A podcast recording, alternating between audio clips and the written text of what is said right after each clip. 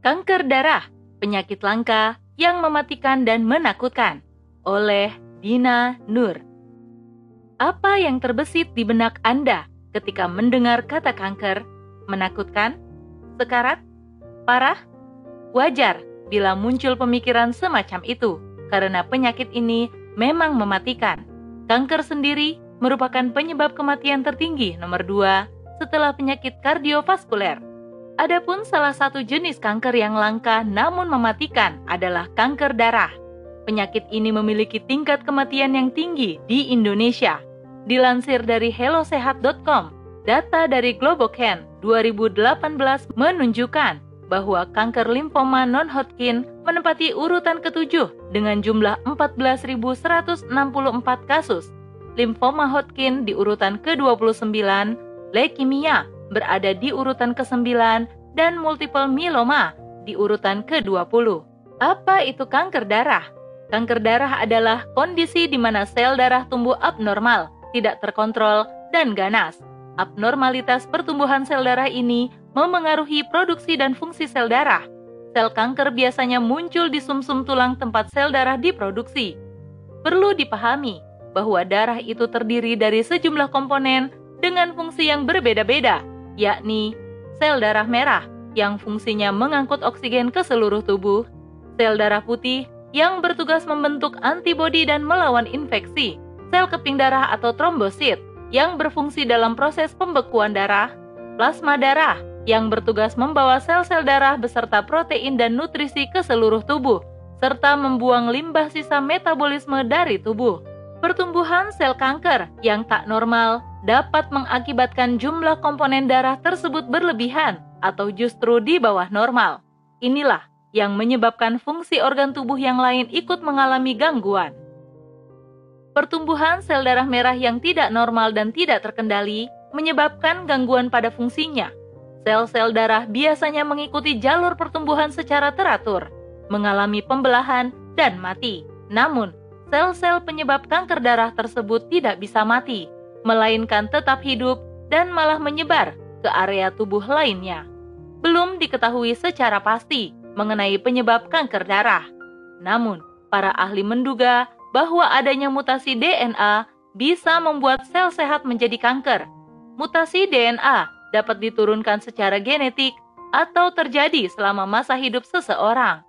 Faktor yang bisa meningkatkan risiko terkena kanker darah adalah berusia lanjut memiliki riwayat keluarga dengan penyakit tersebut, kebiasaan merokok, berjenis kelamin pria, kelebihan berat badan, kurang olahraga, paparan radiasi atau bahan kimia, memiliki penyakit tertentu atau autoimun atau HIV/AIDS, infeksi virus, mengkonsumsi obat imunosupresan, dan pernah mengalami pengobatan kanker sebelumnya.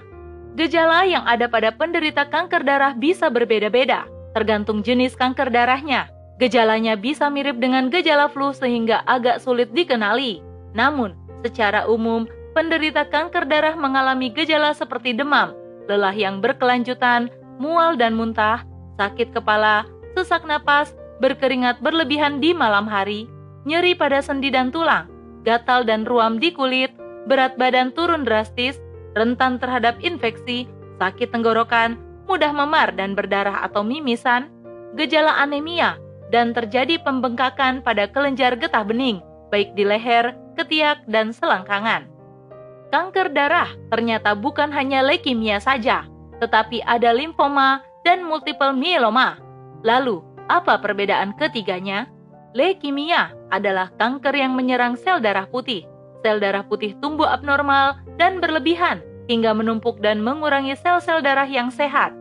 Sel abnormal ini menghambat kerja sel darah putih dalam melawan infeksi. Ia juga merusak kemampuan sumsum -sum tulang untuk memproduksi sel darah merah dan trombosit, sehingga mengganggu kerja organ tubuh lainnya. Leukemia ada beberapa macam, tergantung dengan kecepatan perkembangannya dan jenis sel darah putih yang diserangnya.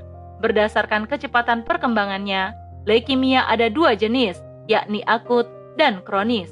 Leukemia akut adalah bila sel kanker berkembang secara cepat sedangkan leukemia kronis adalah bila sel kanker berkembang secara lambat. Leukemia akut lebih sulit diobati dibandingkan dengan leukemia kronis karena lebih ganas dan berbahaya. Berdasarkan sel darah putih yang diserangnya, leukemia ada empat jenis, sebagai berikut. Leukemia limfoblastik akut. Ini terjadi ketika sel darah putih limfosit abnormal yang belum matang diproduksi terlampau banyak pada sumsum -sum tulang. Limfosit mieloid akut. Ini terjadi ketika sumsum -sum tulang menghasilkan sel darah putih mieloid abnormal yang belum matang dalam jumlah yang berlebihan. Leukemia limfostik kronis sel kanker yang berhubungan dengan limfosit yang sudah matang. Leukemia mieloid kronis, kanker yang berkaitan dengan sel mieloid yang sudah matang. Leukemia kronis yang berkembang bisa menentukan tahapan stadium kanker yang diderita pasien kanker. Berikut adalah beberapa stadium leukemia. Stadium 0, ketika pasien memiliki tingkat sel darah putih yang tinggi, tidak mempunyai gejala fisik tertentu. Stadium 1, ketika kadar sel darah putih tinggi dan terjadi pembesaran kelenjar getah bening. Stadium 2, ketika sel darah putih kadarnya tinggi dan ada gejala anemia, pasien mungkin mengalami pembengkakan kelenjar getah bening. Stadium 3, ketika kadar sel darah putih tinggi, terjadi gejala anemia, pembengkakan kelenjar getah bening dan atau pembesaran hati atau limpa. Stadium 4, ketika kadar sel darah putih dan trombosit rendah, terdapat gejala anemia, pembengkakan kelenjar getah bening dan hati. Selanjutnya adalah limfoma. Limfoma atau kanker getah bening adalah jenis kanker darah yang berkembang pada sel limfosit. Perbedaannya dengan leukemia adalah bila leukemia menyerang di sumsum -sum tulang belakang, maka limfoma menyerang di sel darah putih atau limfosit. Sel darah putih atau limfosit berperan untuk melindungi tubuh dari penyakit atau infeksi. Limfosit tersebar dalam sistem limfatik pada tubuh, seperti kelenjar getah bening, limpa, sumsum -sum tulang, dan kelenjar timus. Sel limfosit yang berkembang secara abnormal akan mengakibatkan penumpukan di daerah kelenjar getah bening, seperti ketiak, leher, atau selangkangan.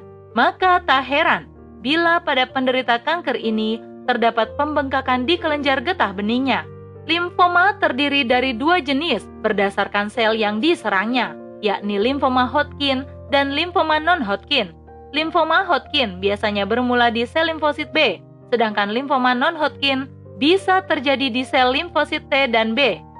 Perlu diketahui bahwa sel limfosit B berperan untuk melindungi tubuh dari kuman atau virus dan bakteri dengan menghasilkan protein yang disebut antibodi sementara sel limfosit T berfungsi untuk menghancurkan kuman atau sel abnormal dalam tubuh. Kanker kelenjar getah bening memiliki empat tahapan, yaitu Stadium 1. Ini tahap awal penyakit limfoma, di mana sel kanker hanya ditemukan di satu kelenjar getah bening atau organ limfoid. Stadium 1E, sel kanker bermula di satu organ yang berada di luar sistem limfoid dan hanya berada di organ tersebut. Stadium 2, Sel kanker menyerang dua atau lebih kelompok kelenjar getah bening. Stadium 2E, sel kanker limfoma bermula di satu organ tubuh di luar sistem limfatik dan juga terdapat di satu atau lebih kelompok kelenjar getah bening terdekat. Multiple myeloma. Multiple myeloma adalah bila sel kanker menyerang sel plasma yang berada di sumsum -sum tulang. Sel plasma ini merupakan bagian penting dari sistem imun tubuh karena menghasilkan antibodi yang berperang melawan kuman sel plasma yang tumbuh abnormal terlalu banyak dan berkembang cepat akan mengganggu sel-sel sehat di sekitarnya. Jumlah antibodi yang dihasilkan secara berlebihan oleh sel tersebut akan menyebabkan terjadinya penumpukan dan merusak organ tubuh seperti ginjal dan tulang. Pengobatan penderita kanker darah bisa melalui beberapa cara. Dokter akan menyarankan jenis pengobatan berdasarkan usia, kondisi kesehatan, jenis kanker, dan tingkat penyebarannya. Adapun pengobatan kanker darah secara umum adalah sebagai berikut. 1. Kemoterapi. Kemoterapi adalah pengobatan melalui obat-obatan kimia untuk membunuh sel kanker. Jenis pengobatan ini yang paling umum dilakukan. 2. Terapi radiasi. Pengobatan ini menggunakan sinar X atau radiasi tingkat tinggi lainnya untuk menghancurkan dan membunuh sel kanker. 3. Terapi biologis Pengobatan ini dilakukan dengan memperkuat sistem kekebalan tubuh dalam melawan kanker. 4. Terapi target. Pengobatan ini dilakukan dengan menggunakan obat-obatan untuk menyerang sel kanker secara spesifik, misalnya dengan menghentikan kerja protein tertentu pada sel kanker yang bisa menghambat perkembangannya. 5. Transplantasi stem cell. Pengobatan kanker ini melalui prosedur penggantian sumsum -sum tulang yang sudah rusak dengan yang sehat. Sel induk bisa berasal dari sel tubuh yang sehat atau dari orang lain. Komplikasi kanker darah. Penyakit kanker darah bisa menyebabkan komplikasi bila tidak segera ditangani. Komplikasi bisa berupa perdarahan pada organ tubuh, seperti otak atau paru-paru. Tubuh menjadi rentan terhadap infeksi, munculnya kanker darah yang lain, dan resiko penyakit lainnya adalah komplikasi yang juga sangat mungkin terjadi akibat menurunnya sistem kekebalan tubuh. Komplikasi juga muncul akibat pengobatan yang dilakukan, seperti gangguan ginjal, kemandulan, dan berkembangnya kanker baru setelah beberapa waktu pengobatan gangguan pada sistem saraf pusat, gangguan tumbuh kembang pada anak, dan katarak, yang juga merupakan komplikasi yang bisa muncul dari pengobatan kanker darah. Pencegahan Beberapa cara yang bisa kita terapkan untuk mencegah terkena kanker darah antara lain rutin berolahraga, disiplin menjalani pola hidup sehat, tidak merokok, menghindari paparan radiasi dan bahan kimia secara langsung, menjaga berat badan tetap ideal, mengonsumsi makanan dengan gizi berimbang, dan rutin memeriksakan kesehatan. Mencegah kanker darah bisa juga dilakukan sejak dini dengan mengonsumsi makanan dengan nutrisi yang baik, seperti telur, daging ayam, gandum, susu, dan makanan berbahan kedelai. Sayuran juga sangat baik untuk menjaga sistem kekebalan tubuh. Buah-buahan yang ada di sekitar kita juga bermanfaat sebagai anti kanker. Pentingnya kesehatan dalam Islam. Kesehatan merupakan hal yang berharga dengan tubuh yang sehat, manusia bisa melakukan aktivitas apa pun, bekerja, belajar, berdakwah, dan juga beribadah. Semuanya membutuhkan kondisi tubuh yang prima. Bukan hanya kesehatan raga saja yang perlu diperhatikan, namun juga kesehatan jiwa. Banyak orang yang fisiknya sehat, segar bugar, namun dari sisi non-fisiknya tidak mendukung. Gangguan pada pikiran bisa mempengaruhi imun tubuh hingga mengundang penyakit datang. Sangat penting juga menjaga kesehatan iman, karena bisa menyelamatkan manusia dari berbagai bahaya dan kerusakan. Sebab, ternyata kanker darah sangat beresiko bagi mereka yang menderita HIV/AIDS. Seperti yang diketahui bahwa HIV/AIDS ini bisa diderita karena melakukan hubungan seks bebas dan penggunaan jarum suntik narkoba, hal-hal yang sangat bertentangan dengan aturan agama. Kanker darah yang menyerang sistem kekebalan tubuh jelas sangat menghambat manusia dalam beraktivitas apa pun. Selain itu, sistem imun tubuh yang lemah pada akhirnya menyebabkan tubuh kian rentan terhadap berbagai macam penyakit. Setiap penyakit pasti ada obatnya. Demikian juga kanker darah yang mematikan. Tentu ada obatnya. Tidak mungkin Allah menurunkan penyakit tanpa ada penyembuhnya. Sebagai muslim wajib meyakini bahwa ketetapan Allah adalah yang terbaik. Maka, dengan mengusahakan yang terbaik menurut aturannya, adalah suatu keharusan. Sahabat pernah bertanya, "Wahai Rasulullah, apakah kita berobat?"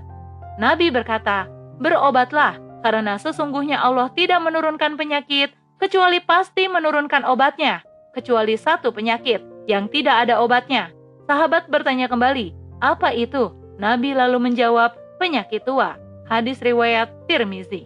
Kanker darah merupakan penyakit mematikan yang menakutkan bagi banyak orang bukan hanya karena beratnya kondisi sakit yang diderita, namun juga mahalnya biaya pengobatan. Berbagai jenis pengobatan kanker darah yang banyak dan mahal, sayangnya harus diupayakan sendiri oleh pasien dan keluarganya. Kalaupun ada bantuan, itu pun tidak semuanya mendapatkan. Lebih menyakitkan lagi bagi rakyat adalah dikala sakit, tetapi tak bisa berobat karena ketidakadaan biaya. Ibarat sudah jatuh tertimpa tangga pula. Bukan hanya kanker darah yang mengerikan, tetapi juga kanker alias kantong kering. Tidak ada uang.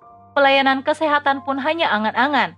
Sakit pun akhirnya dibiarkan atau berusaha untuk tidak dirasakan hingga berakibat fatal. Inilah fakta yang lazim dalam sistem kapitalisme sekuler dengan sudut pandang materialistisnya. Kesehatan telah dijadikan ajang bisnis untuk mengeruk keuntungan. Rakyat pun harus membayar mahal bila ingin mendapatkan pelayanan. Sungguh penting peran negara sebagai penyedia jaminan kesehatan yang berkualitas dan terjangkau bagi seluruh rakyat. Fasilitas kesehatan terbaik harus bisa dimanfaatkan oleh semuanya. Kanker darah memang menakutkan, namun setidaknya dengan kepastian jaminan pelayanan kesehatan dari negara, para penderitanya tidak akan lebih terbebani. Penjagaan negara secara paripurna pada setiap aspek kehidupan akan menyehatkan manusia lahir dan batinnya. Bukan hanya harapan dan kehidupan meningkat, tetapi ketakwaan akan terus terjaga.